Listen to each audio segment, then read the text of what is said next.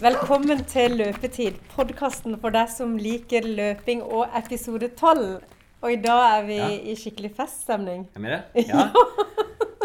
Det kan du si, du som ikke har vært uh, ute og drukket i natt. Ja, det er veldig feststemning, for vi har kommet, du sendte meg en melding om at vi har nådd over 10 000 nedlastinger. Ja, stemmer det? Ja, Det er Så bra. jeg har ikke stoppa å smile siden da. Nei, det er mange som hører på oss, og vi får mange hyggelige tilbakemeldinger, så det, det er jo gøy. Det er det. Det er kjempegøy. Bare så å kjase. Ja, ja, ja vi jobber litt Nei, mer enn det. Men, jeg eh, vi i over ti timer da, og lagde innspilling, så det er bra. mm. Så, eh, og vi har med oss Eivind også, som Yes. er like glad som oss. Ja, jeg står og smiler, vet du. Ja, du. Åssen går det med maratonformen? Jo, altså først er det jo halvmaratonformen vi sikter oss inn på. Ja. Eh, og eh, nå har jeg kjent litt sånn i skinnleggen eh, litt sånn eh, smerte. Så eh, jeg har løpt på mølle litt de siste uka.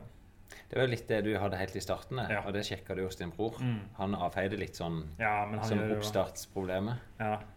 Men jeg kjenner litt, altså. Men han er jo din bror, så han tenker kanskje at ja ja, han bare syter, han er lillebroren allikevel. Ja. Men, jeg, Men, nå, men det er interessant det du sier, det at du velger å, å springe på mølle. Ja. Eh, For mølle er jo mer skånsom for beina. mm, jeg. Eh, Særlig leggene. Men det er litt sånn utfordring når du trener, særlig mot de lange løpene, så er du òg avhengig av at du er sterk nok i leggene. Ja. Så det som kan være et godt tips, Eivind, det er jo at eh, når du har løpt på mølle, Mm. så bør du ta tåhev i tillegg. Ja. Og tåhev det er egentlig at du har stående med begge beina samla, og så Mm. løfter du opp på tå, og så Mm. slipper du ned. Mm. Gjør det litt sånn fort. Yeah. da, sånn dutt, dutt, dutt, dutt, dutt, dutt. Ja. Og den enkleste måten å gjøre det på, gjør det mens du pusser tennene. Ja, for det har jeg gjort, for du har sagt det Ja. før. Så jeg har stått sånn når jeg har pusset tennene, men jeg har ikke gjort det fort, da. Så prøver jeg på ett bein, og så prøver jeg på andre Bare gjør på begge. Og så, så gjør du til det gjør vondt, Ja. og så pauser du litt, og så gjør du det egentlig til det gjør vondt. Og så får du ingen hull i tennene. For du må holde på ganske lenge. Men det, det er i hvert fall for å forebygge det at Ja. du blir svakeleggende etter hvert. For du, du ønsker jo at du skal være sterk nok til å holde ut. Mm. Mm. Men du husker nå, sa du? Ja, eh, jeg, husker Kaggestad eh, på Ja, foredraget. Ja, eh, som du inviterte. Og jeg husker han snakka om eh, at eh, Grete Waitz og Ingrid Kristiansen tok 1000 eh, tåhevninger sånn hver Ja. kveld, eller hva det var for noe. Ja, det er mange, mange av de beste løperne. Ja. De har, har og bruker fortsatt tåhev. Mm. Det er klart Du blir, du blir veldig sterk i deg når du springer veldig mye. Så de som springer 20 mil i uka, de blir jo sterke der uansett. Eh, men det er en måte å styrke det opp på. Så. Mm. Men jeg håper, vi skal ikke ha det skada, Eivind. Eh, Nei da, jeg, jeg, jeg, jeg kjenner Ja. Men det som var da, i forrige episode så var vi jo nede på og sprang en intervall, åtte ganger fire minutter. Som jeg sa, det er en sånn standardintervall. Særlig mot de som satser mot eh, eh, 10 km halvmaraton, så funker det veldig godt. Og, og dette funka bra. Og så fikk begge to utfordringer egentlig å gjøre dette. Og Mm. først du, Eivind. Mm. Jeg har jo allerede spurt deg. Ja. Så jeg hadde jo en eh, eh, Jeg på å si, repetert den øvelsen, og eh, det, hva skal vi si Det er vel litt i kjølvannet av det at jeg har kjent litt på Ja. denne skinnleggsproblematikken igjen. da, At, at, at det, det er litt brudd altså, Det er mulig jeg presser meg fart. Jeg vet ikke. Ja, Åssen var opplevelsen når du sprang aleine? Eh, jo, den var, den var bra, men, men jeg kjenner nok at eh, at eh, Jeg kjente meg fin også etter økta. Ja, du gjorde det? Ja. Og så kjente jeg litt sånn i, i, litt seinere at det var Oi, nå har jeg løpt på med et eller annet. Nå med, ikke ta det med ro, men uh, skifte treningsform. da. Mm. Ja, jeg sa til deg når vi var sammen på den økta, at jeg var Mm. redd at du presset deg så hardt at Mm. ikke du skulle få lyst til å gjøre det. Ja. Eh, jeg vet ikke om det er noe i det. Det kan være. Eh, eh, nå har jeg jo trent på mølle og kjørt eh, og kjørt en times økta da, sånn annenhver dag faktisk, siden uh, vi snakka sammen. Det bare jogga. Eh, Så hadde jeg kjørt 40 minutter uh, langkjør og 20 minutter intervall. Altså 20 drag. Du faller bare tilbake til det Ja. gamle. Mm. Eh, Det har jeg greid å kjøre annenhver dag, da, så jeg kjenner jo at jeg har hatt framgang. det er bra. Altså, det viktigste uansett på veien, det er at Ja. du får trent jevnlig. Eh, men jeg vil fortsatt prøve å stresse inn på å gjøre økter som jeg vet funker veldig Ja. godt. Eh, for det, det, jeg skal ikke si at det blir verken fugl eller fisk, Nei. men det blir ei veldig se, litt slakk intervalløkt. Mm. Og så får du noen meter på mølla som er bra, da. Det, er, det skal Mm. du få kyt for. Ja. Så har jeg, eh, Det er dumt å skryte på seg vektnedgang, man kan jo fort gå opp igjen, men nå har jeg også gått ned litt i vekt. da. Ja. Det ser jeg i praksis. Hvordan, Du gjør det veldig enkelt. I, Mm. sånn som du velger sunne løsninger til lunsj, i Ja. hvert fall. Mm. Altså, ja. Eh, I sommer også så kom jeg inn i en god rutine på å spise sakte. Fordi eh, kona har kommentert et par ganger jeg bare kaster i meg maten. Jeg bare Som en sånn kakemonster. Så, så jeg har blitt veldig bevisst på ok, ta det med ro, spis sakte, tygg maten godt. Og så bare mindre porsjoner. Det er jo gammel kunnskap, men eh, det har jeg kjørt litt sånn. Ja, Det ser ut som du spiser litt mindre, og så eh, velger du litt sunne alternativer. Det ser jeg. Ja. Du kommer ofte opp med egg og salat. Ja. Så, men det er bra. Det funker jo. Mm. Det er litt av målet som du hadde, i hvert fall. At du skal ned under 80 kilo. Nettopp. Så nå ligger jeg på Men- rundt 80 ganske nøyaktig. Om to uker til Evin, så er sommerløpet. Da skal du springe halv maraton. Ja. Eh, Jeg er ingen tvil om at du kommer gjennom. Eh, Det som jeg eventuelt vil være i tvil om, er om du Mm. klarer å springe hele veien. Eh, Ja, nettopp. Det er jeg veldig spent på sjøl. For Ja. den lengste, det lengste sammenheng, er jo 13,5-14 km. Altså, Ja. sånn. Jeg tenkte at uh, den neste uka at vi og deg skal springe gjennom sommerløpstraseen, at vi spiller det inn. ja. Den er 10 km ei runde. Du skal gjennom Mm. to ganger pluss litt. Mm. Men da tar vi i hvert fall den ene runden, sånn at du har løpt i Mm. hvert fall 10 km. Ja. Det er ikke avgjørelse å gjøre det, men det er veldig mye lettere mentalt når du vet hva du skal gå til. Mm, det er helt topp. Så det er bra. Du Anna, du har jo vært uh, ute og løpt, du òg. Du henger deg liksom litt på uten at du, du deler jo ikke de samme målene. Nei, absolutt ikke. Mitt mål er jo egentlig å skjønne hva dere holder på med. Ja. Det er jo egentlig det viktigste. Eh, jeg løp eh, Jeg skulle jo løpe samme intervall som det vi gjorde på skøyta. Men jeg har jo den der store barrieren min som er været, da. Så jeg sto med joggesko og klar til å gå ut. Og jeg bor jo rett der hvor vi skulle løpe, men så begynte det å regne. Og jeg klarer ikke. Det er akkurat som jeg har en sånn der brems. Så jeg klarer ikke Ja. å komme meg ut. Så da tok jeg på meg støvler og regnjakke og gikk ned på eh, treningssenteret ja.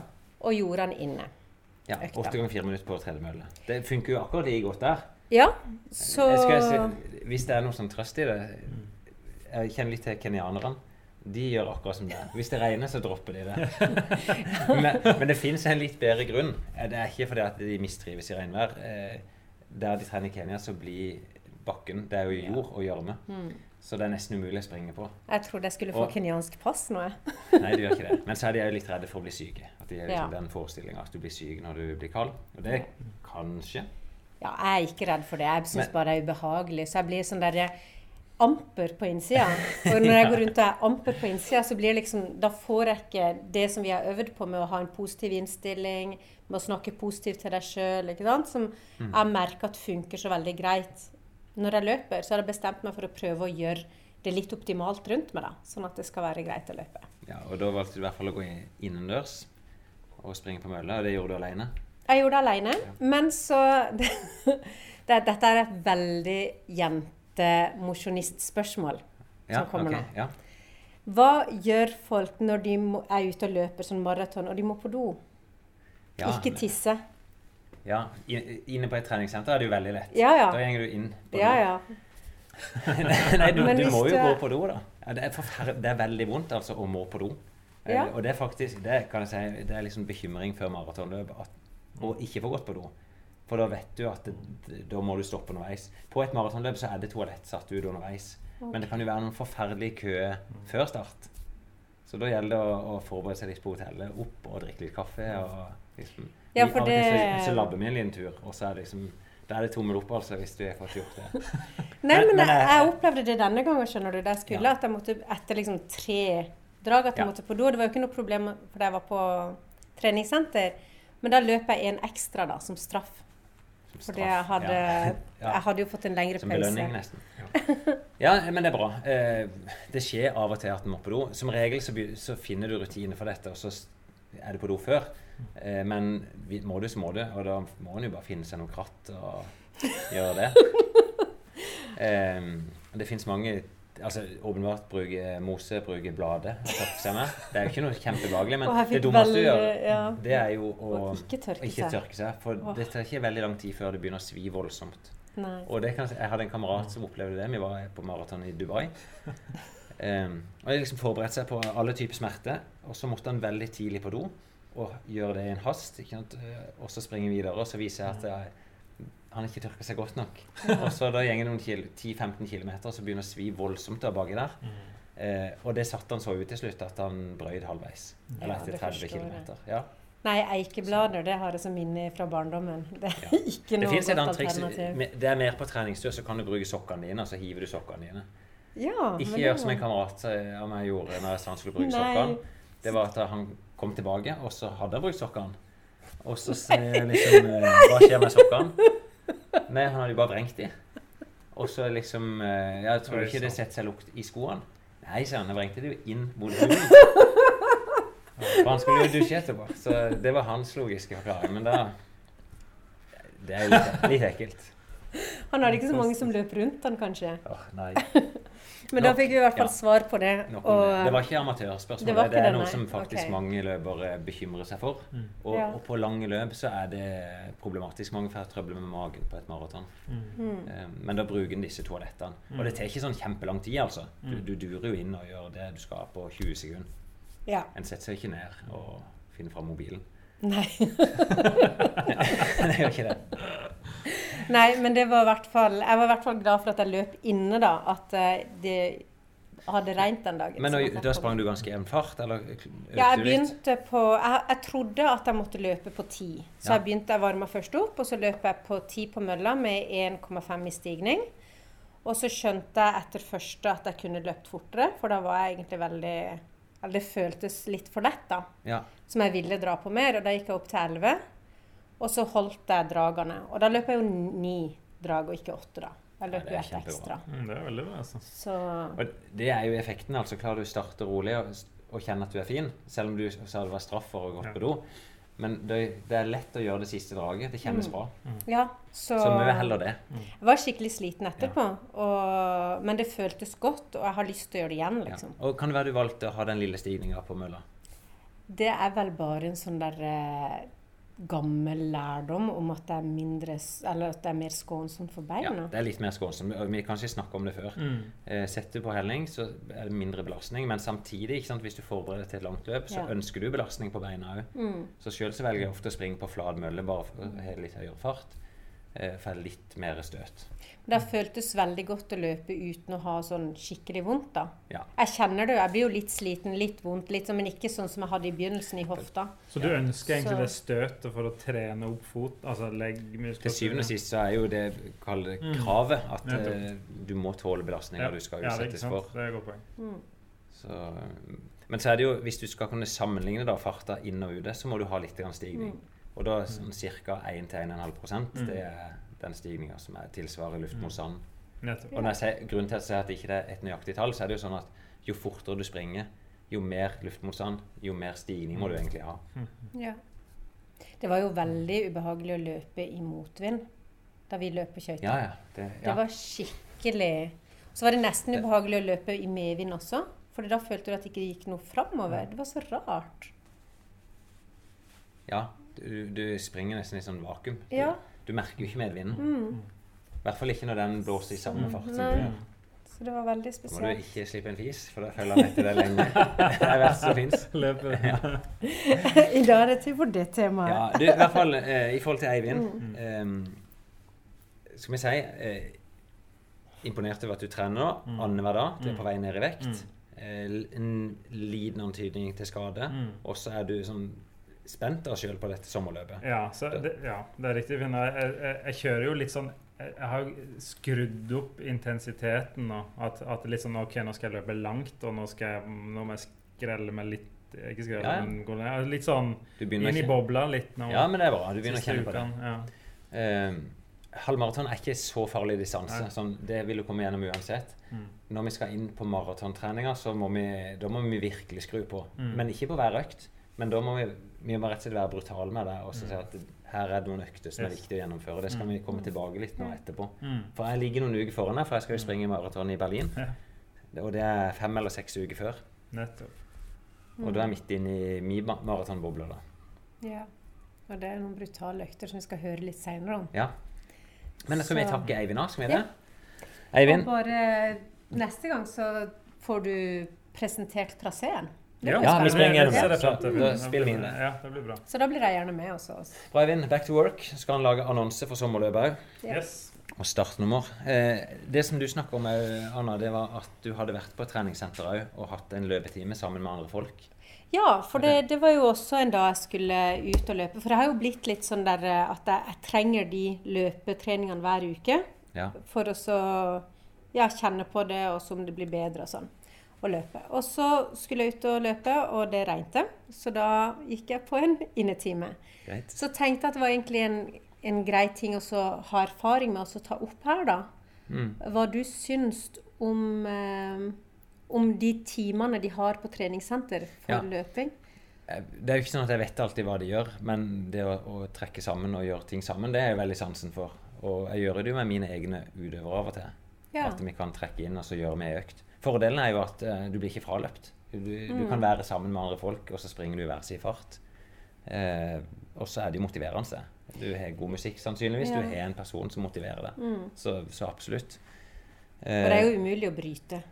Altså, du Eh, ja, kan jo det, ikke. nei, det er ikke noe gøy å være den som skal stå av da. Så det er sikkert lettere å gjøre ei sånn økt. Mm. Eh, Så kanskje Jeg vet ikke hvordan det Visste du på forhånd hva du skulle gjøre når du kom der? Nei, jeg hadde ikke vært på sånn time før, så Ja. jeg var veldig usikker på hva jeg gikk til egentlig. Men eh, det var en pyramide lignende de vi hadde oppe i Svartkjønn. Det Ja. var ett minutt, to minutt, tre minutt, fire minutt, fire minutt, tre minutt, to Ja. minutt, ett minutt. Det er fint. Så var Litt sånn det- intensiv økt. Ja, Så var det økning i incline som var greia, da. At du skulle øke på vei opp. Og for alle som ikke er fra Uruguay og snakker engelsk, så er det stigning. ikke sant? Ja. At du istedenfor å øke farta, så øker du belastninga bare med å springe i brattere og brattere bakke. Ja. Så det ble veldig bratt, syns jeg, da. På eh, slutten, eller på de fire minuttene. Økte du ikke, vet du hvor mye du ikke økte? Én. Ja, Så du sprang første draget på null? Nei, første draget På begynte vi på tre, faktisk. Å ja, såpass, ja. På tre, fire, fem, seks. Ja. Og så Syv. syv, og Ja. så ned. Ja, det, Da begynner det å bli ganske bratt. Da kjenner du det. Ja. Så jeg økte faktisk Det. bare 0,5 på den siste, for da syntes jeg det ble så bratt. At jeg begynte å få sånn der er, ja, for det du snakker om, du ikke økte dette opp på vei opp til fire minutter, Mm. Ja. og så gikk du ikke ned Ja. igjen. Mm. Ja, stemmer. Jeg er ikke sånn kjempefan av sånne økter der en springer seg liksom veldig hardt inn. ikke sant? Det blir veldig Mm. tøft på midten, og så blir det bare lettere og lettere igjen på slutten. Jeg, jeg liker nok bedre å bygge øktene opp med at du, du starter moderat, og så springer jeg kaller det springe seg inn i økta, Mm. og så klarer å opprettholde intensitet over tid, og heller avslutte litt tøft. Mm. For det var det jeg tenkte litt på. Jeg brukte jo Jeg hørte jo heller din stemme Ja. mens jeg var der, med å begynne litt rolig. Og tenke på at jeg ikke kan begynne rolig nok. Ikke Ja. på den timen heller. Og heller kjørte litt Jeg, jeg gikk opp i hastighet på slutten, da. Ja, så bra. Eh, Mm. Hvordan, eh, du i forhold til de andre der, hadde du inntrykk av det? Nei, jeg sto ganske langt framme, så jeg så jo at noen var veldig kjørt liksom veldig tidlig, da. Ja. Så jeg vet ikke. Men det som var veldig hyggelig, da, Ja. det var at det var en som kom bort til meg under eh, timen og spurte om det var jeg som hadde podkast om løping. Det trives du av. Så det er det var kjempegøy. Så en hilsen til han, da. Så Ja. ses vi kanskje på Elixia igjen på løpetime. Men vil, er det noe du vil anbefale folk som har lyst til Ja, å begynne å løpe absolutt. og hive seg på sånne timer? Ja. Enkelt og greit, ja. Hvis det, hvis det er det som får deg ut, så er det bra. Mm. Så, og det å trekke sammen. Også, det eneste, Hvis jeg skulle si noe minus, så er det at jeg regner med at dette koster penger. Ikke sant? Det koster fort Ja. 500 kroner måneden for å få lov å være medlem av et treningssenter.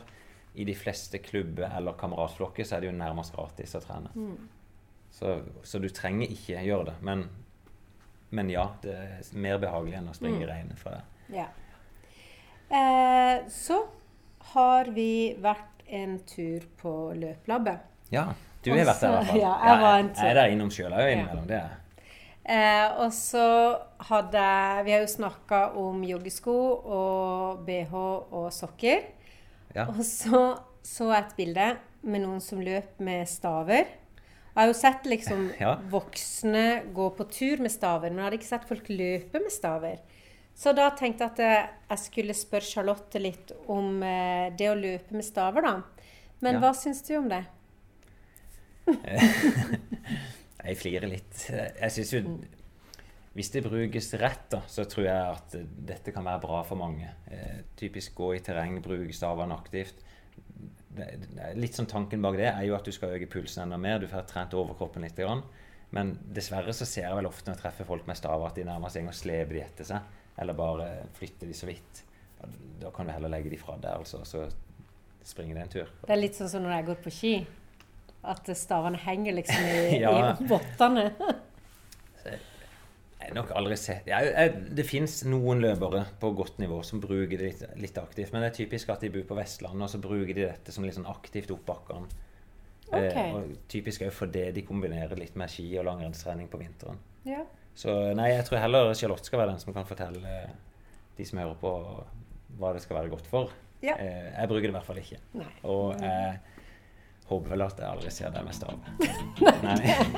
Det tror jeg ikke. Charlotte, eh, løpestav. Det er vel kanskje for veldig veldig spesielt interesserte. Men jeg har sett, sett et bilde av det, tror jeg faktisk, med løpestaver. Ja. Men hvem bruker det? Ja, det Hvem bruker det? Det er jo hovedsakelig ultraløpere. Jeg er ikke helt sikker på om noen bak rene bakkeløpere også bruker det. Jeg tror kanskje ikke det. For det, en løpestav, sånn som denne her, her det er jo en lett Den ser ut som en skistav. Eller Ja, akkurat den er, Jeg tenker litt på telt. Ja, men den. den er bygd som en telt, teltstav. Eller Ja. hva heter det? Sånn Ja, den telt. buen rundt. Ja. Det er samme prinsippet. Nå er den her delt i tre biter. Mm. Og så bretter den sammen, sånn som en teltstav. Mm. Sånn. Ja. Det gikk ganske fort, ikke sant? Mm. Så, kan jeg, så løper jeg med den. Jeg har, den, jeg har en sånn stavkogge, som en pilkogge, som Mhm. jeg har på ryggen. Og når jeg vil bruke den, så tar jeg den ut. Og når jeg ikke vil bruke den, så legger jeg den fra hverandre, og så oppi stavko- stavkogga. Oi. Ja. Det ser nesten ut som du skal ut med pil og bue. Ja, det ser litt kult ut. Jeg syns jo det er litt kule. Eh, det er jo for å avlaste beina i oppforbakker og nedforbakker i veldig lange løp. Ok. Et ultraløp er jo alt som er lengre enn et maraton. Og på de lengste av de, hvis det er veldig mye høydemeter, så trenger man det for å avlaste beina. Ja, så det er rett og slett at man bruker armene litt mer som skistaver? Ja, akkurat. Ja. Men har man én eller to? Man har to. Ja, okay. Ja. Er ikke Litt dumt spørsmål kanskje, men uh... Nei, man kan godt bruke én òg. Det hjelper jo litt, det òg. Jeg er ikke så god på det. Jeg løp mitt første løp med det nå forrige helg. Og, og det, det er jo mye gåing, kan du si. Og jeg syns det er vanskelig og, vanskeligere å løpe med de. Det, det må jeg øve meg litt på. Å bruke ned, ned, få litt fart med de. Ja, for jeg Mm. tenker meg at man blir litt sånn der at man nesten kan bli litt sånn at man tar samme bein og samme arm og kan knote litt, kanskje. Ja, jeg vet ikke om akkurat- men jeg, ja, jeg, kan hende at jeg nedover bruker litt tid på å finne hvor jeg setter staven, Ja. for min del. Mm. Uh, men jeg ser de som kan det, er jo veldig kjappe. Mm. Og tenker ikke på stavene lenger i det hele tatt. Så blir det bare en del av kroppen. Og så får man mye belastning. For man får, man sparer man seg mye belastning. Jeg kjenner oppover så er det veldig lett. Da blir jeg- får jeg brukt mye krefter med armene i bratte helninger. Så tenker jeg en ting til eh, i forhold til det med staver. Er det forskjell på løpestaver og sånn gåstaver som folk bruker på tur? Ja, for de her er så lette. Et, man kan jo bruke de til å gå med også, men uh, de her veier 198 gram på én stav. Uh, og jeg tror de fleste gåstaver er litt tyngre. Vi har et par her med litt mer skårstav. Uh, de her fins også to typer av. Det ene den her er en løp, ren løpestav. Og så er det en som er en løpe-slash Nordic walking. Uh, den er mer justerbar i lengden. De skal være ganske korte i forhold til en skistav Ja, for skistaven skal være nesten under armen. under armen. Men her skal du ha liksom albuen i 90 grader, som en løpevinkel. Ja, da Men når du går oppover, kan du godt ha den litt brattere enn når du, høyere enn når du lavere enn når du går nedover. Mm. Uh, så noen ville foretrekke å ha en justerbar. Yeah. Jeg syns den her er veldig grei. Jeg hadde ikke dilla med å justere lengden på et sånt løp uansett. Men når du da eh, Nå trener du deg opp til dette her, så tar du den med deg på alle joggeturer, eller Nei. Jeg har noen Jeg burde kanskje løpt noen flere turer med den for å være kjent med den, men jeg hadde akkurat fått den. Så jeg har eh, hatt noen eh, bakkeintervaller med den. I den slalåmbakken i Tveit, opp der, og øvd på det. Og så Jeg løper ikke opp den, da går jeg opp, ikke sant? Sånn. Ja, og så løper ned igjen. For det, er jo, det, det tar utrolig mye på kvadricepsen på låret her? Å, å løpe nedover. Altså det å lære seg å bruke stavene til å avlaste Ja. lårmusklene. For det er jo nedforbakken ofte som tar verst på låra, Mm. ikke oppforbakken. Så, og du snakker om disse ultraløpene. Er det, det er for veldig spesielt interessert, er det ikke? Nei, det er ikke Nei, det er jo mange som driver med det. Vi er jo en egen eh, gruppe her i Kristiansand innenfor løpeklubben. Som Kristiansand, løpeklubb. Så har vi en ultragruppe der. Som er ganske mange. Eh, ja, Finn, og i dette eh, Det er jo ikke jubileum, for det hadde vi jo da vi hadde ti episoder. Men i denne feiringa på Ja. 10 000 nedlastinger, så har vi jo fått inn en del leserspørsmål denne Ja. gangen. Så jeg tenkte at kanskje vi skulle gå gjennom de litt. og Kom så- igjen, vi, ja. vi kjører på. Eh, Finn Haneberg han leser akkurat samme bok som meg for tida. Ja, du leser Bornturen, gjør du ikke det? Ja. Eller 'Født til å løpe' har den her. Ja. Jeg, kommet, jeg holder på med en annen bok som er veldig spennende, så denne er litt nedprioritert for tida. ja Syns du er kjedelig? Jeg syns han er godt skrevet. Ja. Eller jeg syns han er Eller godt, han er morsomt skrevet. Eh, han er veldig ekstrem i de tingene han forteller om, for dette her er jo om en sånn derre løpestamme i Mexico. Ja. Eh, og jeg er jo sjøl fra Latin-Amerika, og jeg er jo vant til den magiske realismen som er en del av vår realisme. Så jeg har liksom hørt om sånne ekstreme ting så mange ganger. ja. Men det er ikke sånn du har hørt om disse? Er det Nei, ikke disse. Humara? Men ikke sant? jeg har hørt om en stamme på Cuba som bare drikker vann og klarer å kurere ja, ja. alt med vann. og de, ikke sant? Vi har jo nok av liksom eh, healere og sjamaner. Og vi er jo veldig knytta til det magiske. Ja. Så det er jo litt det, tror jeg, som fenger andre med å lese denne boka. Og det er jo Ja, for det, det ble jo ei veldig sånn der hypa bok. eh, Fem, seks, syv år siden så kom den, eh, i hvert fall på norsk. mm, eh, Der plutselig alle skulle springe langt, og de skulle springe barfot. Ja, Eller med flate sko. Og det er jo det som er at eh, Det som slår meg litt med denne boka, da, at de forteller jo om at de tar noen av disse eh, indianerne og så skal løpe et vanlig løp og tar på de joggesko, og det går dårlig. Men hvorfor tror folk da i Vesten, for å si det sånn, at de skal ta på seg sandaler og løpe så sinnssykt fort? Nei, ikke det. det jeg vet ikke. det, dette, sånn, det er dette jo ingen en bølge. Det, ja, eh, det er jo naturlig å springe barbeint. Det er det. Og, og folk som er vokst opp med det og vant til det, de springer naturlig bra barbeint. Du får et bra løpesett av det. For særlig, Jeg snakker jo veldig mye om det å ikke sette foten foran seg. mm, Uh, typisk da setter du hælene ned, du får stem. Hvis du gjør det barbeint på hardt underlag, så får du jo dritvondt. Mm. ja. Så, så på den måten så kan du si at barfotløping er bra, for du, du trimmer inn det naturlige. Mm, Men så ser en vel at det, det blir stor slitasje eh, under føttene. Så Mm. du må jo trene veldig veldig forsiktig opp over veldig lang tid. Hvis ikke river du jo føttene i fillebiter. Jeg kjenner folk som prøver dette, og det er sjelden noe suksess. ja. Eh, og i vårt klima så blir det kaldt, så det er jo verken praktisk eller greit. Eh, og så er belastningen veldig stor på leggene. Så vil, mitt inntrykk er nok de fleste som begynner å gå inn i det der, de får skade av det. For det, de, de bruker ikke lang nok tid på å tilpasse seg det. Nei, for jeg vet jo at eh, hvis du f.eks. sånn som barn i Uruguay spiller ofte fotball liksom på gata, og mange av de tar Ja. av seg skoene for å ikke slite de ut, da. Ja. Ikke sant? For det, de vil ikke slite ut skoene på fotballbanen. Så tar de det av seg, og så er de vant til å spille fotball barbeint. Men de har jo gjort det. Og da India skulle spille første VM i 1930, så ville de ikke delta hvis ikke de fikk lov til å spille barbeint. Oh, ja. ja, ja. Så eh, Det, det, det fins internasjonalt gode løpere som springer barbeint òg.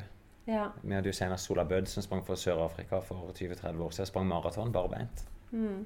Det er jo ekstremt. Eh, Men for de fleste så vil ikke det gå. Du vil få vondt under føttene. Mm. Så um, jeg, jeg ville lest boka som en litt sånn artig bok. Eh, du følger jo den eh, merkelige stammen og, og Mm. løpinga, og er jo en sånn myteomspunnet figur som er inne i boka der. Mm. Ja, Kawasholenko. Ja. Eh, Og så snakker du om chiafrø, da. Og det er jo blitt veldig eh, i vinden. Du cola-sjokolademester. Eh, om at det er liksom omega-3 og omega-6, eh, og det er liksom superbra løpemat, da. Så kanskje du skulle prøve det neste gang. Ta deg en chia-shot før løping. det er ikke så galt i kostholdet mitt sånn som det er da. Det er ikke bare cola og sjokolade. Det er, og nå er jeg jo på vei mot maraton, så jeg er litt mer forsiktig med det. spise brød, spise frokost, lunsj, middag, kvelds. Og det, nei, det blir nok ikke med skiafrø, hvis det var det du kalte det. ja. Jeg skal prøve å få de der. Men, Men, i men eh, les boka. Eh, Barfotløping eh, nei, ikke prøv det ut. Det trenger du ikke. Du Spring på vanlige joggesko som passer deg godt. Kan godt prøve uten dropp og se hvordan det funker. Altså Med dropp så mener jeg at det ikke er noe oppbygd hæl, så du heller framover. Eh, Og det jeg tenker at det som er liksom sånn De kritiserer eh, skoindustrien for eh, liksom sånn at de har påført oss disse joggeskoene. Men det ble jo en industri med disse her femfingra Ja, ja, eh, akkurat sokkene som kosta 500-800 kroner også. ja det er det samme. Eh, jeg prøvde de, de jeg kaller de tåfisko, for det ser liksom ut som å springe i tåfisene.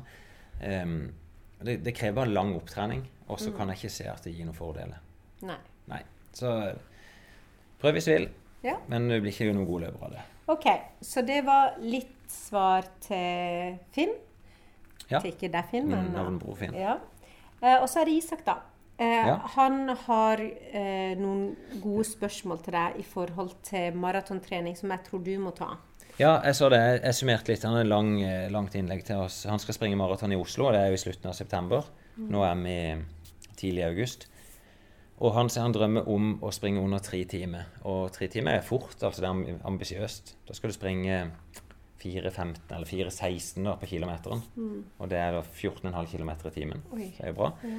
Det er drømmen. Han har sprunget to 10 km i år. En på 39 og en på 37.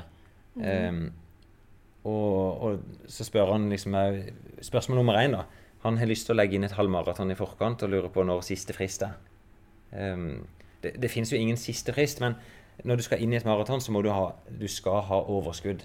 Og jeg sier som en veldig sånn grov tommelfingerregel at hvis du springer et maksløp da, der du henter ut alt du kan, så kan du nesten regne at du trenger én dag restitusjon, altså, eller én dag med rolig trening per kilometer du har løpt.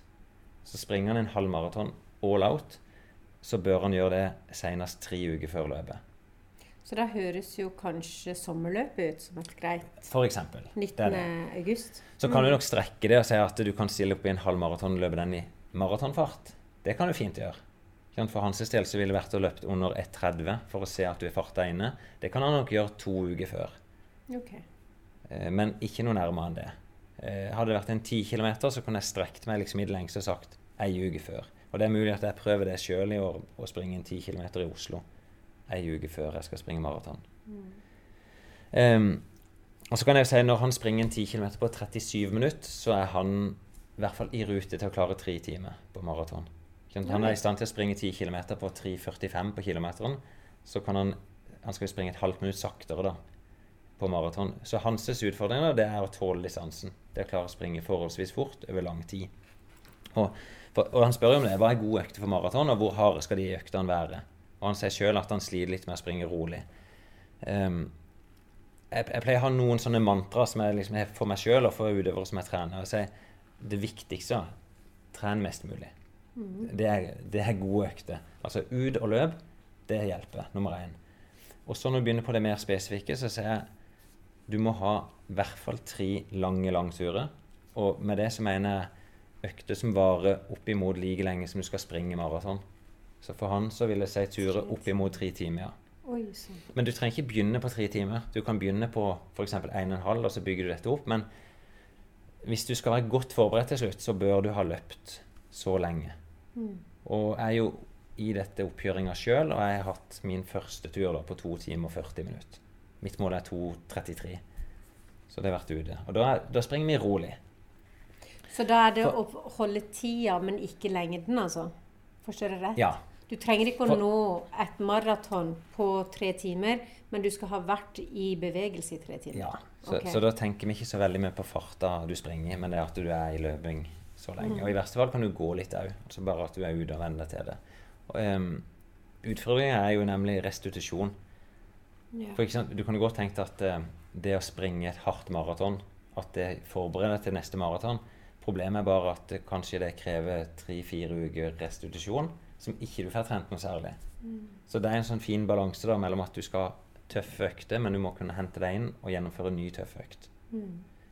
Men det er liksom, du må ha de tre si, minimum tre lange langturer. Da er du innafor der. Og så sier jeg du bør minimum ha tre turer på rundt halvmaraton der du springer opp imot den maratonfarta. Okay. Da begynner du å bli godt forberedt. Men når, han sier, når du sier tre turer, det er fram til september, ikke tre turer i uka? Nei da, det er fram til. Ja. Så i praksis sånn som vi driver og jobber litt nå, det er at eh, annenhver uke, da, jeg vil annenhver helg, så springer vi en lang, lang tur. For min del så er det mellom 30 og 35 km. Og så den andre helga så springer vi en raskere tur. Typisk en sånn 15-25 km i maratonfarta. Ja. Eh, og det er litt forskjellige måter å løse på. Det vi begynte med, da, da sprang vi 16 km for to uker siden. 16 km kontinuerlig. Og, og da begynner vi bare litt bak maratonfarta, og så springer vi oss inn i den farta vi ønsker å holde på maraton. Og det er ganske krevende, særlig når du begynner skal springe fort, da, skal tre timer fortere, så er det krevende å holde maratonfart. Eh, så jeg, synes, jeg opplever det som ubehagelige økter. Og så uka etterpå, for å få økt lite grann, så istedenfor å springe kontinuerlig, så sprang vi økt med eh, tre kilometer på banen. Altså, ja. Det er rundt og rundt. ja, jeg lagde et lite innslag, så vi kan godt gå inn og høre litt i den. Skal vi gjøre det? Ja, det kan vi gjøre. Nå er vi nede på Kristiansand stadion og så har lagt opp til skikkelig maratonøkt. Eh, det er vel fem, seks, syv gutter som skal springe den økta sammen. Og eh, poenget med disse øktene er å klare å springe fort lenge. Så vi skal springe seks ganger 3000 er planen i dag. Og så to-tre minutts pause. Eh, det akkurat det med pausen det er, liksom, det er ikke så nøye, men vi prøver å samle gutta i hver pause. Eh, meg og Erik, vi skal springe. Vi er jo ikke helt snakk om fart, Erik, men jeg tenkte fra 11.15 til 11 blank, som er sånn 3.40-45 fart. Ja, for meg så høres det naturlig ut å begynne på 3.45 og jobbe seg ikke mye ned. og Det skal ikke være en sånn økt der en uh, går helt i kjelleren heller. Og det kan høres litt sånn skremmende ut før en begynner at en skal løpe 6-3000 meter i den farta, men vi skal tross alt løpe i samme fart i 42 km uten å ta pauser, så jeg tenkte dette må vi jo bare Ja, vi skal det. Men så er det litt på disse øktene òg at ikke en springer for fort. Eh, men det resten rett og slett venne seg til den farta vi skal ha. Så det handler ikke om å vinne ei økt, det handler rett bare om å gjennomføre sammen. Ja, ja, og forholdene er fine. og Fin temperatur òg. Ja. Det er bra. Vi begynner, så kan vi ta et par opptak underveis. Ja, Vi er halvveis i økta nå. Vi har hatt tre ganger 3000. Det gikk vel på 11.15, 11.13, 11.05 var det vi sa. Ja, det gikk litt litt for fort nå. Ja, Prøver liksom å la det trippe jevnt og trutt ned. Det er jæklig monotont. Ligger i rygg, vi rullerer da. Vi bytter hver, altså hvem som springer første 1000, hvem som springer andre, hvem som springer tredje. Eh, meg og Joakim og Erik. Så vi har hatt en hver. med, er faktisk halvveis i økta da. Begynner liksom å kjenne, Jeg har ikke løpt så mye på stadion før. Jeg begynner å kjenne at liksom venstrebeinet Om ikke det visner, jeg kjenner at det er mer sliten der. Kanskje vi skal snu? Nei, jeg tror ikke. Og du Joakim, er det bra? Bare et opptak. Ja. Det er første økta egentlig de sånne Det er første offisielle maratonøkt, ja. En ser det. Det er jo en ny måte å tenke på. Ett minutt. Da skal jeg kjøre. Ja. Jo, men for deg så tenker jeg du som har det fine steget nå, det er det som har løpt så de mye hurtig, så må det være behagelig, tenker jeg. Ja, det, det er det. Det er behagelig, men Det er likevel det er lenge, liksom. Så Ja, det, Det er liksom ikke sone 1 heller. Det er behagelig på en ubehagelig måte. Ja. så er det tøft å begynne med seks av disse her. Nå er vi begynt med tre av de. Ja.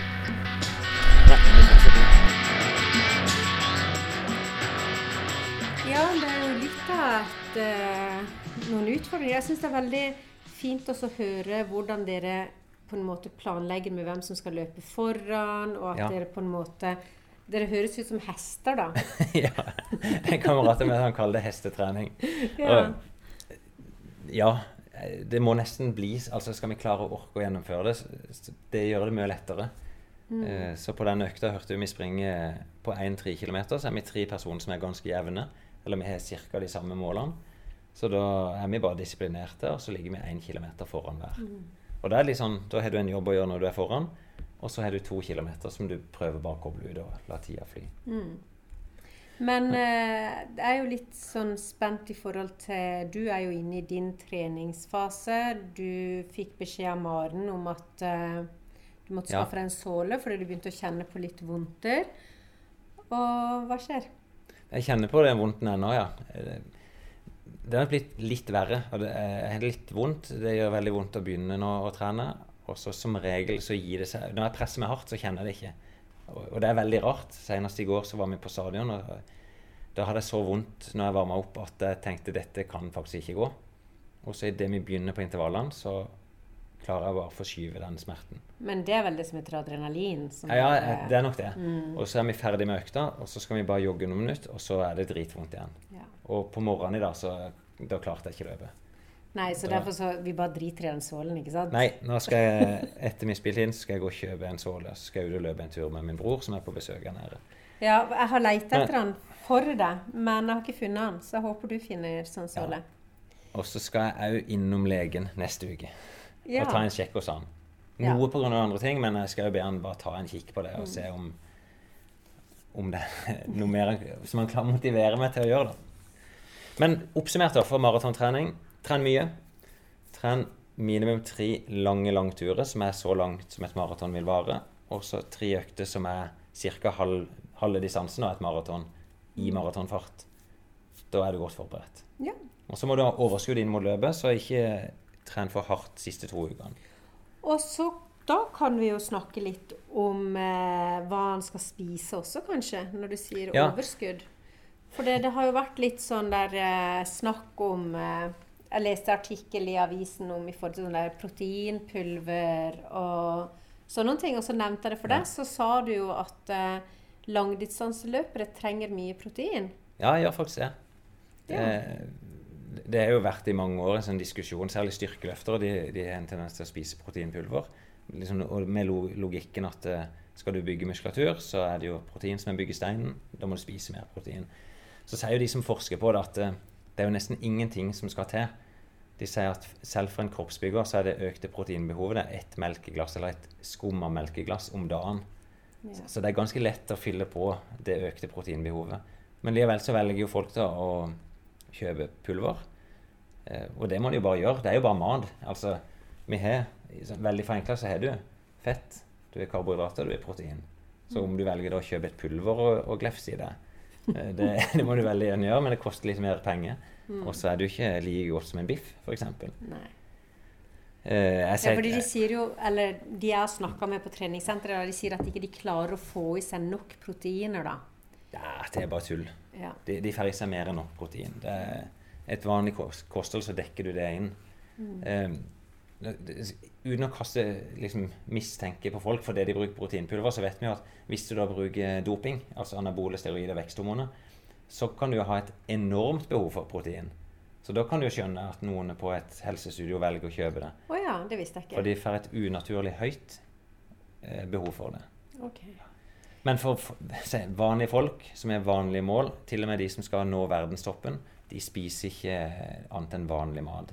Mm. Så um, jeg tror det er i hvert fall La det være. Du, du har ikke behov for det. Du trenger ikke sånne type kosttilskudd.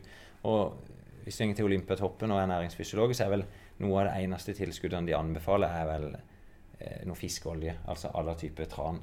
Eller chiafrø med omega-3 og omega-6. Det har jeg aldri hørt. Det er det som har hørt. Men det er jo samme greia. At du trenger noe mer olje enn det vi spiser til vanlig. Ja. Mm. Så spise sunt og trene mye før et maraton. Ja, og litt forenkla så vil jeg nok si at for de aller fleste så er ikke, det er ikke kostholdet som gjør deg god til å springe maraton. Det er den der ekstreme, tøffe treninga, den gjør deg god til å springe maraton. Så må du selvfølgelig fylle på. Men det som kan være litt sånn poeng for et maraton, det er jo hva spiser du den dagen, og hvordan fyller du på underveis. Ja. Um, på selve løpet. Vi skal sikkert snakke om det seinere òg, når vi forbereder oss inn i konkurransen. Men det er jo sånn at du må øve på det du skal bli god på. Og det, det kan være vanskelig, særlig i høy fart, å få i seg nok både væske og nok mat. Så da bør en prøve det ut på trening. Så det er jo lurt. Og- Det har jeg ikke tenkt på. Man spiser under et maraton sånn. ja, det sant? Du skal jo holde på for de fleste da, sånn pluss-minus tre timer. Og da kan du gå tom. Altså at du går næringstom, eller at eh, du får ikke i deg væske. For du, du taper i hvert fall en liter med væske i timen. Og hvis ikke du fyller på, så kan du da ende opp med å bli dehydrert. Ja. Så det er kanskje tendens til at folk har litt sånn panikk for det. Så drikker de for mye igjen, så det skvulper i magen. Og noen kan til og med bli slått ut at de vasker ut saltene. Mm. Så da er liksom ha rutine på å drikke litt grann hver 50 km. Det er fornuftig. Og så et par stasjoner med noe eh, mat. Mm. Eh, og det er ikke så lett å få tak i mat på et maraton. Men ofte serverer de en gelé. Sånn Eh, mange liker det. Jeg, jeg pleier aldri å ha med noe sjøl. Jeg pleier bare å få liksom, det som arrangøren deler ut. Noen plasser deler de ut litt kake eller banan. Mm. Uh, Jeg anbefaler å ta det til seg. Det som er med de det, er så langt ifra den verden jeg forestiller meg. Så ser jeg for meg sånn bursdagskake som står og Ja, men det er sjokoladekake. Og det er jo Altså, det du trenger, er jo kjapp tilgang på energi. Mm. Så hvis du begynner å spise pølse, så er det veldig lang tid før du har fått omdanna det til energi. Mm. Så karbohydrater er jo det du ønsker. Ja. Så, men det er klart det er en del i, i sportsdrikk, eller det de serverer der. Uh, ulempen kan være at du blir kvalm. ja. Så, og særlig når du begynner å fyre inn på flere av disse geleene, så kan det bli veldig kvalmende etter hvert. Så jeg prøver å egentlig holde meg unna det. Og så tar jeg, jeg slenge inn på en etter 30-35 km. Mm. Ja. Det var nok maraton, i hvert fall. Men så har vi en annen lytter som lurer på hvor i all verden hun kan få oversikt over disse her eh, løpene. Ja, løp i Norge. Det, det fins vel ingen sånn helt komplett, men det er et par plasser som er nesten komplett. Eh, Det ene er noe som heter Kondis. De gir ut et magasin, og så er det en nettside som er kondis.no. Der har de en database du kan søke i per fylke og hvilken type løp det er. Nettavisen er db.kondis.no. Så enkelt som det, men du finner det med å gå inn på kondis.no. Og så er Friidrettsforbundet sjøl De begynte for et par år siden å bygge opp en sånn type godkjenningsordning for løp. Og da er det Der kaller de det mosjon.friidrett.no. Kan du jo bare gå inn på friidrett.no, så finner du linken der. Ja, når vi snakker om friidrett, eh, VM begynner jo nå. Ja, det begynner nå i kveld. Mm. Skal du se på det? Ja, jeg, men det er ikke sånn, jeg er ikke fanatisk. Det er ikke sånn at jeg setter meg og benker meg foran TV-en. Men jeg merker meg, særlig jeg er glad i, merkelig nok, løping. Ja. Så jeg merker meg jo de, de norske som skal springe der, og så følger jeg med på ja, de beste sprinterne i verden, syns jeg er gøy å se på. Åssen Hvordan tror du det går med de norske løperne i år? Oh, veldig spent. Det er jo mange, da. Eh, både Caroline Bjerkeli Grøvdal er veldig spent på henne. Persa nettopp på 3000 meter. Du er, nå er det jo to brødre Ingebrigtsen da, som skal være med. Filip og Jakob. Henrik er jo skada. Eh, det er liksom Alt kan skje. Begge to. altså det er jo Filip som åpenbart er den som, som størst favoritten til å nå langt. Han er jo den største av de. Også, Han springer 1500. Og så lillebror som skal springe hinder. da. Eh, og Hvis han klarer en finaleplass, så er det sensasjon. Han er jo fortsatt 16 år, blir 17 senere men det vil være tøft. Og han er en mulighet til det. Og så er det flere der med. Karsten Warholm. Ja. Mye gøy. ja, så fint. Men eh, Og hva er det du skal eh, Ja. Så har vi ett spørsmål til jeg hadde glemt det. Ja. Eh, Jon Fredrik han lurer på Vi har vært litt dårlige på å kommunisere hvor lang pause vi Ja. har mellom intervallene. Ja, og det er kanskje litt fordi at eh, det er ikke så viktig akkurat om hvor lang pausen er.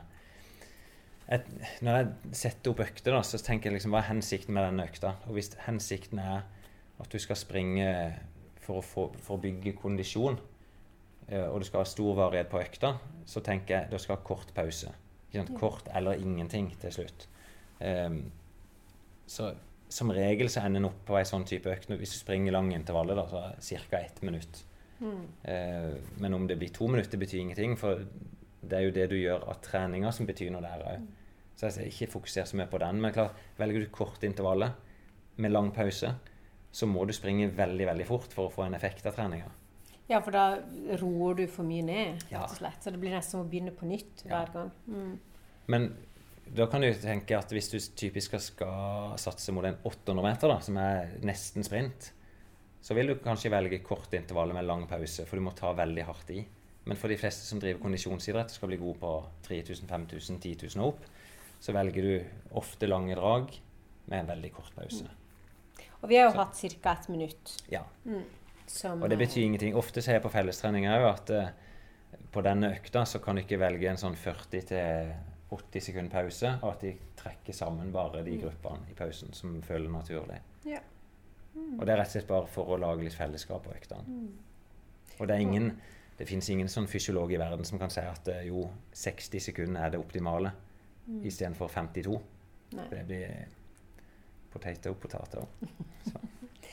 Men eh, hva er det du kan se fram til nå? Av løp og Og ja, jeg, nå, nå er liksom blikket mitt skrudd fram mot Berlin. Det er der jeg skal prestere. Men på veien her skal jeg være med på masse løp. Eh, Der som jeg vet, så er jo 10 km i Oslo, det er i hvert fall påmeldt. Og så er jeg jo arrangør av sommerløpet. Der, der skal jeg springe som fartsholder på 10 km om to uker. Da springer jeg på 40 minutter, så det blir en enkel oppgave for meg der. 40 minutter. Ja, men må du huske, jeg sprang jo sentrumsløpet på 33, så det, nå skal jeg springe syv minutter seinere. Det som gjør det utfordrende, så er jo at jeg er ansvarlig for hele arrangementet med 150-200 frivillige ute i løypene og noen tusen løpere. Men jeg syns det er en veldig fin måte i arrangementet Da er jo det siste distansen.